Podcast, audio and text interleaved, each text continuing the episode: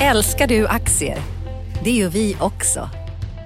Sea Worldwide Asset Management är en av Nordens största oberoende aktiva aktieförvaltare och har samlad kunskap sedan 1986.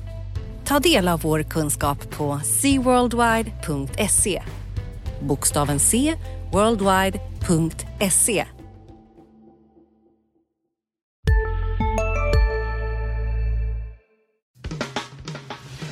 Analyspodden från Dagens Industri. Hej och välkomna till Analyspodden, Dagens Industris podd om börs och makro. Eh, jag heter Agneta Jönsson och med mig idag är kollegan Ulf Pettersson. Hej Ulf! Hallå, hallå Agneta! Idag är det fredag igen. Det är fredag den 5 mars och klockan är halv elva. Eh, idag tänkte vi skulle prata om om det är värt att teckna i börsintroduktioner, eh, vilket Ulf har järnkoll på. Vi kan prata om Hemnet som kanske är på väg tillbaka till börsen. Eh, hur det ska gå med Nordea när Sampo håller på att sälja ut sina aktier. Och sen har vi fått ett bud eh, också, nämligen Nordax lägger bud på norska Norwegian Finans med Norwegian Bank. Och det kan faktiskt öppna dörren för ytterligare en börsåterkomst. Och sen ska vi självklart prata om techforsen som har varit denna veckan. Eh, vad tycker du är det viktigaste som har hänt på börsen denna veckan, Ulf? Ja, men eh, dagarna eh, tycker jag går i vartannat, men eh, techfrossan eh, på ett övergripande plan tycker jag techfrossan är intressant. Eh, bakom den kanske finns den här lilla räntefrossan som vi hade i alla fall i början av veckan och i, kanske i slutet av förra veckan också. Så det där är väl intressant ur ett ur ett liksom eh, lite större perspektiv. Sen tycker jag det ska bli intressant att prata med dig om de här bankerna och Nordea och Sampo, vilket är en jätteaffär som ska då väntas när de ska sälja de där aktierna. Och sen så har vi ju en otroligt het marknad på alla sätt och inte minst börsnoteringar. Vi har ju skrivit i tidningen om två väldigt eh, välkända bolag som är på väg in till börsen här i veckan. Dels har vi då Hemnet och sen så ska ju Linas Matkassa också komma in till börsen efter vad vi erfar. Så det finns att prata om utan det är mest att du, du bestämmer var vi ska börja någonstans Agneta. Ja, det har ju faktiskt varit så. Börsen har ju gått jättestarkt. Vi hade ju faktiskt nytt all time high denna veckan. I onsdags var OMX S30 uppe i 2074 här, så det är upp 9 procent i år. Mm. Eh, däremot så skakade det till eh, i på andra sidan Atlanten här så Standard Poor är ner 1,6 procent i veckan och Nasdaq 3. Och det är den här techfossan som du var inne på och ränteuppgången. Och det är väl det egentligen som är det viktigaste på makrosidan, just att eh, det skakar till med räntorna. Dels är det ju inflationsoro på grund av alla de här stimulanserna som har skickat upp amerikanska tioåringen upp mot 1,5 procent Eh, och sedan är det ju rent eh, tekniskt också. De amerikanska bankerna har ju haft eh, lättnader nu under pandemin där de inte har behövt räkna med statsobligationer i sina riskexponeringar. Och nu ska ju det där försvinna vid sista mars och då är marknaden rädda på att om inte bankerna får köpa obligationer så är det ju bara Fed kvar som köper och det ställer ju till lite oreda på långräntesidan. Så alltså, man vill väl egentligen att det där ska förlängas, tror du inte det Uffe? Jo, så är det nog. Och det är ju så då att, att om, ingen, om ingen köper obligationer så går obligationspriset ner och det är detsamma som att räntan går upp då för de som kan sina ekonomiska samband. Så, så är det och det är ju eh, så är det och jag tror att ingen, ingen vill ha Ingen kan nog begära att vi ska ha, liksom, fortsätta ha så här låga räntor liksom, eh, när BNP-utvecklingen är klart över 3% i hela världen. Men, men ingen, eh, så, så lite uppgång. Men det man inte vill ha är ju den här okontrollerade uppgången eller en kraftig rörelse uppåt. Men om vi så att säga kan tugga på med någon, någon räntepunkt då och då och så, och så vi landar på 2 2 i USA då från 1,5 idag eller 1,40 idag så tror jag inte det är så farligt för börsen. Men om vi tar ett kliv från 1,5 upp till 2 på några veckor här då har vi ju fortsatt börsfrossa så att säga. Så där, och det vet ju Fed eh, och de vill inte ha liksom några börsfrossor och finansfrossor utan eh, man kommer nog eh, åtminstone verbalt förklara att, att eh, de inte ser någon anledning till att räntan ska bli hög. Det har de ju redan sagt då, Powell, men, men de får väl säga det igen om det skulle visa sig att ränteuppgången från förra veckan fortsätter. Å andra sidan så kan det ju inte vara deras uppgift att hålla de här riktigt högt värderade bolagen under armarna som Tesla och det här gänget, eh, de som är extra känsliga för räntehöjningar så att säga.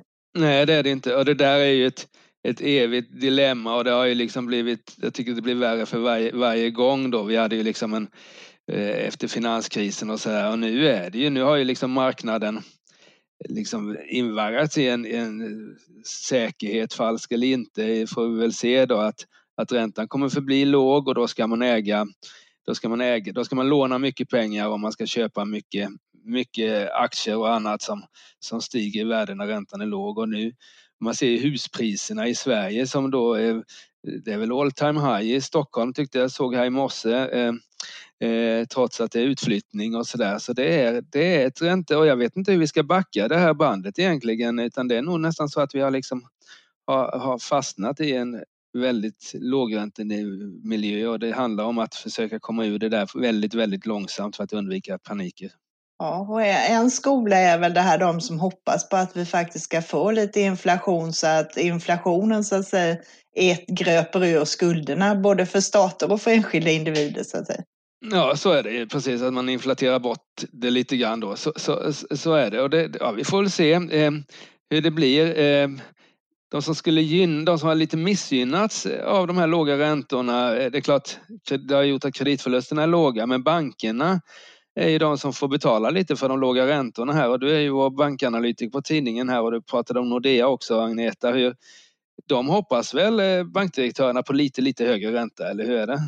Jo, men visst är det så. Både lite högre ränta och framförallt lite branta yieldkurva så att säga, så att de långa räntorna är högre än de korta. För det är ju det som bankerna gör egentligen, att förvandla kort upplåning till långa lån så att säga. Det är ju deras kärnmodell. När räntekurvan är helt platt eller till och med pekar åt fel håll så blir det ju lite Ebberöds bank över det hela. Det ser vi hos danskarna. De har ju minusränta nu så de har ju fått faktiskt få gå ut och ta betalt av spararna som har kont mycket pengar på inlåningen nu, för annars går det inte ihop sig. De säger då att de börjar se en liten ljusning nu på grund av det och vi ser här, vi har sett hur amerikanska banker gick jättestarkt i början av året när räntorna rusade och våra banker har ju också gått väldigt bra så här långt i år. Mm. Mm. Så det har vi, där har du ett gäng som kommer att gynnas av det här i alla fall. Men hur ser du på tillväxtbolagen? Du har ju kollat på de här Sinch och de här som har gått väldigt bra. Hur påverkar det dem? Det är ju så här, dels så har vi ju under flera års tid egentligen haft en, eh, en ett, ett väldigt stort intresse för tillväxtbolag på aktiemarknaden. Eh, det har väl att göra med eh, kanske att vi är inne i en, ska vi säga, ett antal stora förändringar i världen då med digitalisering och e-handel och elektrifiering och sånt där och då kommer det liksom bolag som som är i nya teknikområden som blir, det blir en väldig skjuts då, liksom Powercell exempelvis som har gått fantastiskt då med sina bränslecells Ehm, vät, vätebränsleceller. Ehm, och så har vi då massvis av andra bolag som, som kanske inte bara växer organiskt utan även genom förvärv som har fått väldigt höga värderingar. Sin tjänst som där exempelvis eh, det här meddelandetjänstföretaget. Ehm, och mycket annat. Spelbolagen har ju haft fantastiskt. Det finns ju inga som förvärvar så mycket bolag som spelbolagen gör nu. Embracer kan ju komma och göra tio förvärv på en kväll här liksom eh, om de vill se väl. Någon, det har de gjort tidigare i alla fall.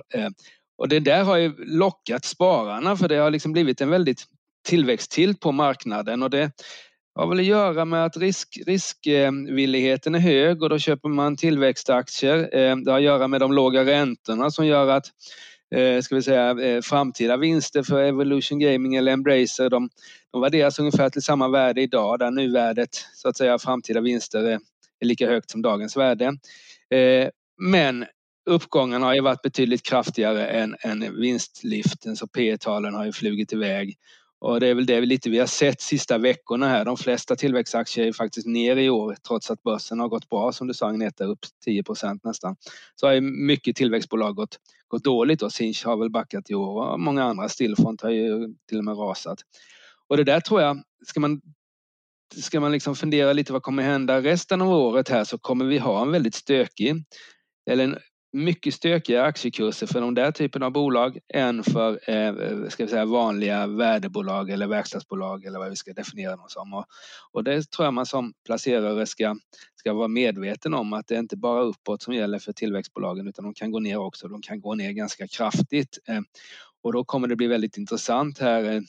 Nu är det en stund kvar innan vi får några Q1 till oss, men det är bara en månad bort drygt. Eh, eh, och om, om, om det krävs nog att de kan visa den här tillväxten de visade under pandemin för att värderingarna ska hålla i sig. Annars kan nog den här kursfallen vi har sett lite grann fortsätta.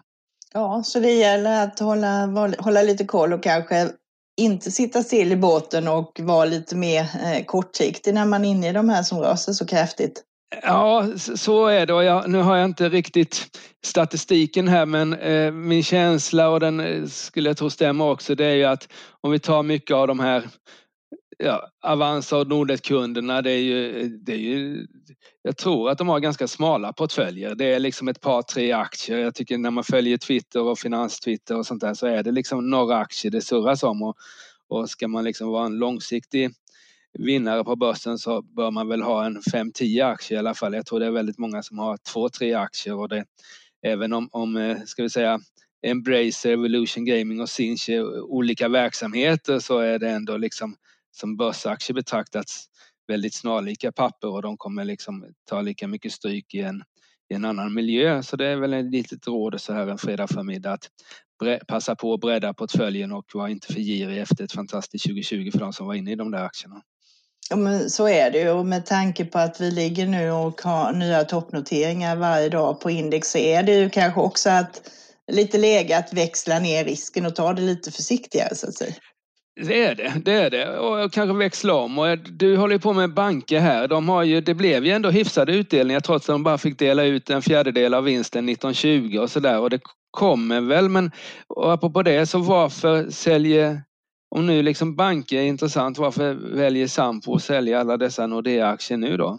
Ja, det blev lite snurrigt där. De började förra året och eh, lägger om inriktningen lite. Deras största dotterbolag, det är ju sakförsäkringsbolaget If och det är, går väldigt bra och det är väldigt lönsamt och det ligger i topp liksom vad det gäller den verksamheten. Och de har bestämt att de ska satsa mer på sakförsäkring. De köpte ju ett brittiskt bolag i höstas, Hastings, som är fokuserad på bilförsäkringar ihop med en annan aktör.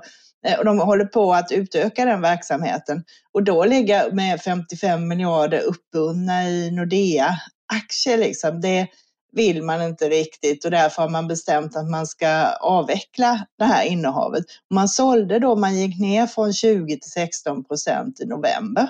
Mm. Eh, och eh, då kom en eh, aktivistfond som heter Elliot in i, som ägare i Sampo och köpte 3 där. Och de har gått ut nu både i media och till Sampo själva och eh, pushar på för att de ska göra sig av med Nordea snabbare. För de menar på att eftersom bank är så lågt värderat och växer saktare så tar det och hämmar värderingen i Sampo. Så skulle Nordea, eller Sampo göra sig av med Nordea så skulle Sampo vara eh, 20-40 procent mer värt. Och det har ju ställt till lite oro här i lägret. Och det gjorde att Sampo var tvungen nu på kapitalmarknadsdagen här i slutet av februari gå ut och tala om vad de hade för plan egentligen. Och då säger de att de ska sälja en väsentlig del av innehavet inom 18 månader och det är typ betydligt mer än hälften, säger de. Sen är det ju logiskt att de inte kan säga när de ska sälja och till vilket pris. Det är ju inte så jättesmart om man ska göra det. Så att de får ju ha en viss effekt och de säger också att liksom inte kursen på Nordea värderar eller reflekterar värdet i bolaget just nu eftersom faktiskt Nordea är på väg Eh, att göra en turnaround. Det har ju visat nu på en positiv resultatutveckling de senaste kvartalen. Och får man då marknaden med sig också så kan du också ha en del uppsida där. Så att det är ju de här två bitarna som går mot varandra. Kan man tänka sig att, att det blir liksom att alla aktier säljs på en och samma gång till alltså för om du köper den posten så är du helt plötsligt sitter du i förarsätet på då Nordens största bank. Eller skulle man kunna tänka sig någon utländsk bank som liksom väljer att liksom ta den där posten och så att säga säkra makten eller, eller skulle du tro att det blir ändå liksom sådana här eh, kvällsförsäljningar via, via liksom med, med någon procents rabatt och så där via stora block, stora block som går lite grann eller, eller hur tror du? Jag tror att det blir en mix, för du har ju också den pusselbiten att eh, Torbjörn Magnusson som är VD för Sampo, han är också ordförande i Nordea, så han sitter han måste ju göra alltså det som är det bästa för båda. Mm. Och skulle då Sampo skicka iväg hela posten till en enda utländsk ägare. Det kan nog diskuteras då om det, huruvida det är bra för båda så att säga. Så att eh, därför har Nordea också utökat sitt mandat för att köpa tillbaka aktier. Eh, de har begärt att få köpa tillbaka 500, upp till 500 miljoner aktier, vilket då kommer tas på deras stämma. Eh, och de har ju tidigare gjort återköp. Och det är ju extra bra att göra det i det här läget nu när man värderas med en rabatt. Eh, Nordeas handlar ju ungefär med 10% rabatt på ett eget kapital nu, så du får ju köpa liksom en krona för 90 öre på det sättet.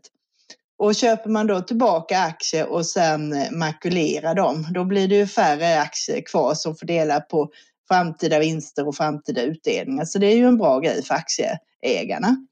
Just det. Ja, och gör man det då eh, så Eh, kan man ta en stor del utav den här eh, posten. Sampo har 643 miljoner aktier och Nordea får köpa tillbaka max 500 miljoner då. Så att det blir ju en del över. Men om vi säger att du kombinerar de här två grejerna, att man köper tillbaka eh, och det kan ske tidigast då i höst eh, när ECB släpper på de här restriktionerna mot utdelningar och återköp. Så jag tror att du börjar sätta igång med återköp någon gång det fjärde kvartalet och sen kan du troligtvis få ett par, en eller ett par eh, mindre försäljningar utav aktier från Sampo, typ då några procent. Och det kanske du kan få typ redan i, efter rapporten för andra kvartalet eller någonting sånt här om aktien fortsätter utvecklas väl. Plus att deras inlåsning från förra försäljningen då eh, som tar slut 9 maj är borta då. Så det är väl min huvudspår, liksom, att du får en mix av de här grejerna. Och då bör det inte bli så stort, eh, stor kurspress på Nordea-aktien till följd av de här 640 miljoner Nordea-aktierna som Sampo sitter på? Nej, jag tror inte det, utan tvärtom så kan det eh, bli bra om de gör på det här sättet under fortsättning då att banken fortsätter utvecklas väl under året, vilket jag tror. Då kan du till och med kanske på slutet få lite av den här ketchup-effekten som blev när svenska staten sålde sina aktier där i slutet av 2013. Just det. Eh, att du får lite extra uppskjuts när det här är över. Och jag tror faktiskt att man inte behöver vara så bekymrad över att man blir av med en huvudägare där just nu. Eh, du har ju flera utländska banker där du har institutioner som ägare. Nordea har lagt strategi nu för de närmaste åren så där kan man köra på i den där riktningen. Sen kan det ju bli annat läge eh, längre fram. Men just nu tror jag inte det är något problem. Mm. Apropå återköp och bank och sådär så pratade jag med någon i veckan här som som eh, trodde på väldigt stora återköp i SEB också här under hösten. Han, jag tyckte han sa 15 procent, men det låter ju mycket. Men eh, det är något som liksom kommer hända. Jo, men det, SEB har ju också flaggat, man la om lite sin eh, policy där i samband med bokslutet att man kommer att fokusera mer på återköp. Och det är ju en bättre metod egentligen att eh, styra eh, vad heter sitt egna kapital än att dela ut alla pengarna en gång på våren. Särskilt när det är sådana här stökiga tider som det är nu där du inte riktigt vet hur mycket pengar du behöver. Och då återköp köp, håller man på med kontinuerligt under utspätt över tiden. Just nu pågår vår stora season sale med fantastiska priser på möbler och inredning. Passa på att fynda till hemmets alla rum, inne som ute, senast den 6 maj. Gör dig redo för sommar. Välkommen till Mio. Hej, Synoptik här. Visste du att solens UV-strålar kan vara skadliga och åldra dina ögon i förtid? Kom in till oss så hjälper vi dig att hitta rätt solglasögon som skyddar dina ögon. Välkommen till Synoptik. Skulle det bli stökiga tider igen så kan de helt enkelt bromsa. Så jag tror absolut att eh, din eh, kontakt är inne på rätt spår. Mm. Sen är det ju frågan hur stort det blir och eh, liksom, det beror på också hur lång tid man sprider ut över. Ja, just det. Vi har ju den där diskussionen ibland på våra morgonmöten och sådär, återköp eller utdelning och sånt där. Men något som jag tycker talar för återköp, förutom de här låga värderingarna som är i banker då, det är ju att överhuvudtaget. det är ju ingen det är ju ingen som kommer ihåg någon extrautdelning som gjordes för tre, fyra år sedan. Det var en del eh, verkstadsbolag hade vi extrautdelningar och de där syns ju liksom inte i aktiekursen så då sitter man ändå och skriver artiklar om att bolaget har gått sämre än index och så liksom har man inte koll på att de har liksom delat ut eftersom vi oftast tittar bäst på börskursen. Men skulle man göra återköp så har ju den, då, då höjer man ju då höjer man ju vinsten på aktier på ett annat sätt och får med sig liksom börsuppgången ja, den här värdeöverföringen till ägarna sker ju genom en börsuppgång som går över tid då, snarare än en engångsutdelning eller sådär. Så jag tror att, plus att det går ju då rent formellt så är det betydligt enklare att, att i så fall liksom kanske sälja, sälja aktierna igen än att göra någon nyemission och sådär om man skulle behöva ha tillbaks pengarna. Precis, sen är det en annan aspekt som man inte har, tar med, har tagit upp i det här. Det är ju, som privatpersoner har ju ofta sina aktier på ISK eller kapitalförsäkring och då behöver du inte bry dig om skatten längre. Men för institutioner och framförallt utländska sådana så hamnar du med en massa skatt och grejer på utdelningarna och är krångligare. Gör man återköp så behöver de inte ens bry sig. Nej, nej så är det. Jag tänkte vi skulle prata lite om det här som du var inne på i början av veckan här och du tittade på hur det har gått för de här bolagen som har noterats på börsen under senaste året. Har det varit en bra affär att teckna och ska man göra det tycker du? Ja det har det ju. Alltså av de som har kommit in på stora listan då, jag kollade aldrig på First North, det är nästan för mycket för att kolla koll på det, men på den stora listan, vanliga börsen så att säga, så är snittuppgången första handelsdagen jämfört med, börsintroduktions kursen 16 procent, vilket man nog får säga är en bra avkastning på en dag. Eh, väljer man däremot att behålla aktien efter första dagen så har det varit betydligt mer splittat. De är upp aggregerat, de här åtta bolagen som gick igenom, de är upp aggregerat men det, hälften av bolagen har faktiskt tappat och noterade då all time high första dagen och sen så har de då backat. Eh, vi har ju några sådana där exempelvis eh, eh, Sint, eh, det här marknadsundersökningsbolaget som var över 100 spänn första noteringsdagen men sen, sen någon vecka senare så var det 85 spänn. Så strategin här framöver på de här noteringarna som vi kommer få se här under våren, jag tror att det kan bli ganska mycket noteringar under våren, det är att teckna och sälja första dagen om man inte verkligen gillar bolaget. Eh, har i alla fall hittills så här långt varit den bästa, mest lönsamma strategin. Ja, så det, och det är klart, även om man inte får så många aktier så med de uppgångarna som brukar vara första dagen så blir det ju ändå så det räcker till en god middag eller något i alla fall. Ja, det blir ju det. Jag vet, hur var det med Sint? Fick man 50 aktier eller sådär så, så steg den en 20 spänn. Det är en ganska bra middag man får då för en tusenlapp fortfarande, även om jag tycker restaurangpriserna de ökar lite varje gång jag är i Stockholm. Nu är jag inte där så ofta längre. Men, men, eh, ja. ja, sen måste vi ju stötta våra stackars krögare också som har det ja, så tufft i dessa tider. Så det är väl en bra kombo. Det är bra. Har vi pratat klart om veckan? Ska vi titta lite framåt? Nej, jag tänkte du skulle få säga lite om Hemnet som du har tittat på också, apropå det där med introduktion. Ligger det någonting i det här att de är på väg till börsen? Ja, det, det tror vi. Eh, vi hade inga namngivna källor där, men vi hade ett, ett antal av varandra oberoende källor som pratade om notering redan i april och att bolaget då, Hemnet, som är väldigt välkänt, eh, bostadsannonssajten, eh, har träffat en del investerare för att knyta upp eh, sådana ankarinvesterare och få liksom någon känsla för vad man kan prissätta aktien till eh, när det blir notering. Och eh, det sägs ju då att eh, börsvärdet ska landa på 10 miljarder. Bolaget omsatte, omsätter väl ungefär en halv miljard så det är 20 gånger försäljning men det är ett höglönsamt bolag, tjänar nästan 200 hade en vinst på 172 miljoner, rörelsevinst 19 och de hade säkert ett bra 2020 också med tanke på hur marknaden utvecklades mot slutet av året i alla fall. Så, eh, så det kan säkert bli av redan i april. Eh, jag tror att det är många där ute eh, som, som, som tittar på att sätta sina bolag på börsen med tanke på att det är så väldigt lätt nu att få, få emissionerna tecknade till ganska bra priser. Så, så det är nog mycket. Jag tycker Lina Smartkasse som vi skrev om också kommer säkert vara en sån där eh, publik eh, notering som många kommer, många kommer vilja teckna sig eftersom det är begripliga grejer som de gör.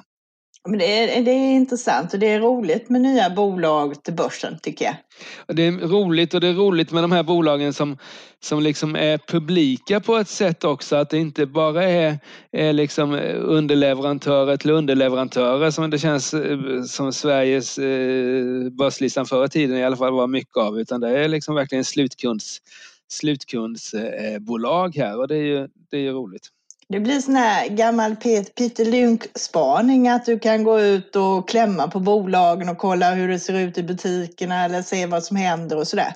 Ja precis, det är lite, faktiskt lite enklare att, att eh, och vad det gäller Hemnet då får vi se liksom, men där går väl att hitta statistik för alla liksom och se hur många annonser som finns ute varje dag. Så det där kommer ju, det kommer ju bli lite som Avanza, så det kommer vara ganska lätt att se, se externa källor hur, det liksom, hur, hur marknaden utvecklas. Ja, och det är som sagt de flesta har ju en relation till Hemnet får man väl säga, om inte annat som eh, passiv konsument som man går in och ja. kollar på hus och sånt. Och det där är ett bolag, det, det är ju liksom lite det som har hänt här senaste åren, kanske decenniet, är ju att vi har fått in massa digitala bolag som har som har gjort väldigt, som har gjort stora förluster eller inte tjänat några pengar men som har tagit stora marknadsandelar och sen så när de väl har gjort det så börjar man höja priserna och det är väl så Hemnet också kommer jobba att man kommer då höja priserna lite mer än lite mer än eh, inflationen eh, och det blir en väldigt bra vinstutveckling. Vi har ju Spotify då som, som väl börjar höja priserna lite grann och Nent var ute här i veckan då, eh, alltså som äger Viasat och ska höja priserna 18 procent. Så det är liksom affärsstrategin att vara väldigt aggressiv, eh, ha låga priser till en början för att få en stor kund, kundbas och sen så när kundbasen är inne så höjer man priserna. Storytel har ju också en sån där möjlighet att, att höja 10 kronor per månad. Det är inte så mycket för folk men det blir fantastisk eh, vinstutveckling i ett bolag om man får med sig kunderna på det. Ja visst är det så. Det blir intressant. Sen är det faktiskt en bank som kan komma tillbaka till börsen också, tror jag i alla fall. Eh, igår var det nämligen så att eh, en verksamhet, Nordax, som tidigare var på börsen, det är en mindre bank som håller på med konsumentlån. Man har det här Svensk hypotekspension där den som har gått i pension kan belåna sitt hus och leva på pengarna så att säga. Och, eh, de köptes ut från börsen och ägs till 64 procent av Nordic Capital och 36 procent av Sampo. Sen för två år sedan, sommaren 2019, så köpt eh, samma gäng då, Nordic Capital och Sampo 18 procent av norska Norwegian Finance Holding som då äger Norwegian Bank. Det kom från början från flygbolaget Norwegian och hade hand om deras det här bonus och förmånsprogrammet. Men sen har utvecklats till en digital konsumentbank. Liksom. De har 1,8 miljoner kunder varav 1,3 är kreditkortskunder. Så det är väldigt mycket Eh, korta krediter och inlåning och den typen av grejer. Och igår då eh, så eh, la, talade Nordax om att de avser att lägga ett bud på det här eh, Norwegian Finance Holding och de bjuder motsvarande 19 eh, miljarder svenska kronor. Eh, och det innebär en värdering på bolaget till 10 år, gånger årets förväntade vinst. Så det blir troligt en bra affär och de ser stora synergier på det. här. Men det som jag tror sen med anledning av det här nu med Sampo, renodling och Nordea är att Sampo vill nog ur det här också. Och då vore det ju ett ypperligt tillfälle för Nordic Capital Eh, när man har fått ihop de här delarna att eh, sätta tillbaka Nordax på börsen igen. De gjorde ju det med Nordnet efter tre års städarbete. Eh, kom ju de tillbaka i börsen i november och det har ju varit en strålande eh, notering får man ju lugnt säga. Precis. Det var ju väldigt inne att notera eh, eh, mindre banker eller finansföretag där. De kom ju nästan samtidigt som jag kommer ihåg det. TF Bank och Collector och Nordax och, och de där. Eh, det kom ett en, en handfull. Ehm, eh, är intresset, för de har ju en del av dem har ju haft lite problem på börsen och sådär men du tror ändå liksom att marknaden skulle liksom omfamna en Nordax version 2 på börsen om det nu, nu händer det väl inte imorgon men om något år eller två? Jag tror att vi kan ha lite andra läge. Du var inne på det här med ränteutvecklingen och vi har ju haft en sån här, de bolagen växte ju väldigt snabbt och det var då de kom in på börsen här. Eh, TF Bank har fortsatt växa snabbt. Eh, och Resurs också. Collector har haft det lite motigt för de har haft eh, för splittrad verksamhet kan man väl säga om man ska säga det kortfattat. Och sen har du haft en sån här extrem uppgång utav Eh, konsumentlån. Och jag tror ju kanske att tillväxttakten mattas av, men jag tror ju inte att det blir någon större liksom avmattning. För det som händer där är ju också att eh, det är en väldig snurr på de här lånen. Det är ju ofta väldigt korta grejer eh, som man använder. Man, snitttiden är eh, kanske upp till ett år, så avbetalningstiden går ju ganska fort. Och, eh, så jag tror att det fortfarande finns liksom en bra eh, verksamhet i grunden. Tittar du på Resurs Holding så är det ju där de värderas ganska lågt under P 10. De har en direktavkastning på över 10 procent och en hygglig tillväxt. Eh, så det känns som en helt okej eh, placering. Sen det är klart, ju fler det blir desto trängre blir det i dörren. Eh, men det är framför allt på de bolag som inte finns på börsen och de som är ännu längre ner där folk får betala ännu högre räntor och eh, som får det tuffare. Så att säga, detta kan du säga, den här typen av bolag är mellanläget mellan eh, vanlig bank och de här som tar ut riktigt höga räntor.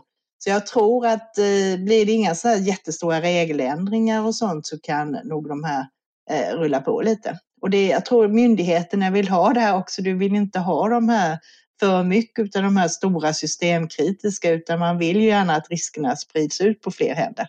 Just det. Ja, bra, spännande. Ska vi titta lite framåt? Är det, är det en lugn vecka för dig eller hur ser det ut? Eh, finns det något i nyhetsflödet som intresserar dig?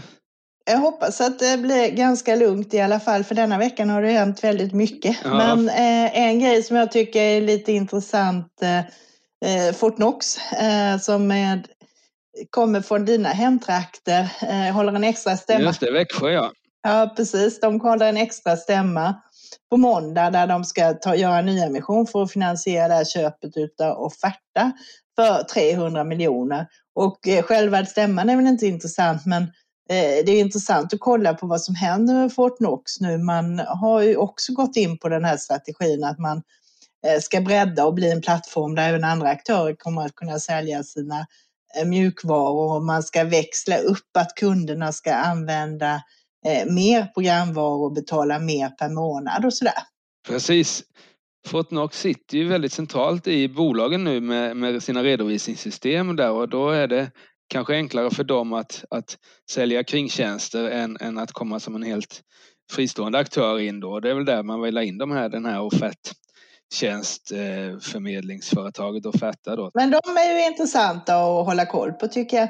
Sen på tisdagen händer det inget viktigt, i alla fall inget föraviserat viktigt. Eh, på onsdag däremot har Clas Olsson, de kanske du har lite koll på, de kommer med rapport då? De har jag lite koll på. Eh, ganska ny VD, haft lite problem med eh, den organiska tillväxten här mot slutet. Eh, och sådär så, eh, så, men som sagt var det har börjat renodlas en del men jag tror att marknaden är inte särskilt eh, eh, intresserad av Clas Ohlson, framförallt inte hur de brukade vara eller förr i tiden då det var tillväxtbolag utan nu är det lite mer eh, e-handelsoro där att de ska tappa försäljning med Amazon och sånt där. Så det blir en intressant rapport att, följa. Eh, sen har vi bland rapporter, det är nästan lite sådär liksom rapportflod nummer två eller tre eller vad vi ska säga. Vi får väl Systemair också, får vi inte det som eh, i veckan här? Precis, de kommer på torsdag. Precis som har gjort en riktigt fin turnaround här tycker jag under, under senaste året. Eh, får se om de motsvarar de förväntningar som har drivits in lite i aktiekursen där med tanke på uppgången. Mm, och sen har vi Svolder också. Eh, ja. Ett av de mindre investmentbolagen kommer också med en rapport på torsdag här. Och där är det ju siffrorna här, det går nog att gå in på Holdings och titta och de skickar även veckostatistik Svolder så men eh, Ulf Hedlund som är VD där skriver eh, väldigt eh, eh ska vi säga, läsvärda och eh, omsorgsfullt skrivna eh, vd-ord om, om, marknaden och allt möjligt. Så det, den, är, den är läsvärd av, av den anledningen, och, även om siffrorna kanske inte är, är liksom, eh, första sidesnyheter. Eh, och sen kommer ECB med eh, räntebesked och håller en presskonferens. Det är väl inte väntat några ränteändringar där heller utan kanske mer hur de ser på, ser på inflation och vad de kommer att göra för övrigt och takten i tillgångsköp och alla de här grejerna som man kommer att prata Precis, och det är ju en väldigt stor sak men det, det har vi ju folk som är bättre skickade än dig och mig att diskutera för mycket då. Men, men, eh, men det är klart att det är ju en väldigt stor händelse för veckan som kommer. Plus att det känns som att vi är inne i en sån här tid då det dyker upp svarta svanar också så det kan säkert hända något, eh, något eh, som inte står på dagordningen som också påverkar finansmarknaderna. Men visst är det så. Och sen har vi fredagen sluta med Sectra som har varit lite i nyhetsflödet den senaste tiden på grund av ett bolag som påstår att de samarbetar med dem men de, där de inte gör det. Nej, just det. Det var en nyhet vi, vi spräckte i veckan här. Det stämmer. Sectra har ju också kommit med eh, det är lite underskrivet bolag egentligen. Det är ett fantastiskt innovationsbolag där inom flera olika områden. Eh, från början när man, när man började titta på Sectra för massa år sedan så var det liksom deras telefoner som var grejen men nu är det ju deras medicintekniksdel som är mest intressant. Eh, eh, som alla de här tillväxtbolagen med mycket teknikunderhåll väldigt högt värderat men den har ändå gått väldigt starkt genom åren. Ja, det är, och det är de viktigaste grejerna tycker jag som vi vet. Jag tycker vi stänger den här eh, butiken för idag nu. Stänger butiken för idag och för veckan och önskar alla våra eh, lyssnare en riktigt trevlig helg och samtidigt som de tar en riktigt trevlig helg så kan de passa på att lyssna på våra andra poddar också Agneta och de har du koll på. Precis, eh, det är Digitalpodden och eh, det är Makrorådet och sen har vi Smarta pengar om privatekonomi. Och sen har vi den här podden som är varje dag, Morgonkoll, som kommer tidigt på morgonen när man för allt på vad som har hänt medan man har sovit. Precis, med så mycket poddar så blir vi nog ett attraktivt uppköpsobjekt för Spotify så småningom. Eh, men ni får ha, ha en skön helg allihopa och så hörs vi nästa fredag igen. Ha det bra! Hej då! Hej. Analyspodden från Dagens Industri. Programmet redigerades av Umami Produktion. Ansvarig utgivare Peter Fellman. I DTVs program Hållbart näringsliv fokuserar vi på företagens E, S och G. Vilka är utmaningarna och vilka är lösningarna? Hör storbolagen om omställningen, entreprenörerna om de nya möjligheterna och dessutom tipsar förvaltare om sina bästa hållbara aktiecase. Missa inte Hållbart näringsliv med mig, Nike Mekibes, varannan onsdag på DITV och på di.se. Varje vardag klockan sju uppdaterar Ditvs Morgonkoll dig om natten och morgonens viktigaste nyheter. Från börsstängningen i New York till läget i den asiatiska handeln. Och strax därefter kommer podden med samma namn. Prenumerera på Morgonkoll du också så är du uppdaterad inför varje ny arbetsdag. Morgonkoll finns där andra poddar finns.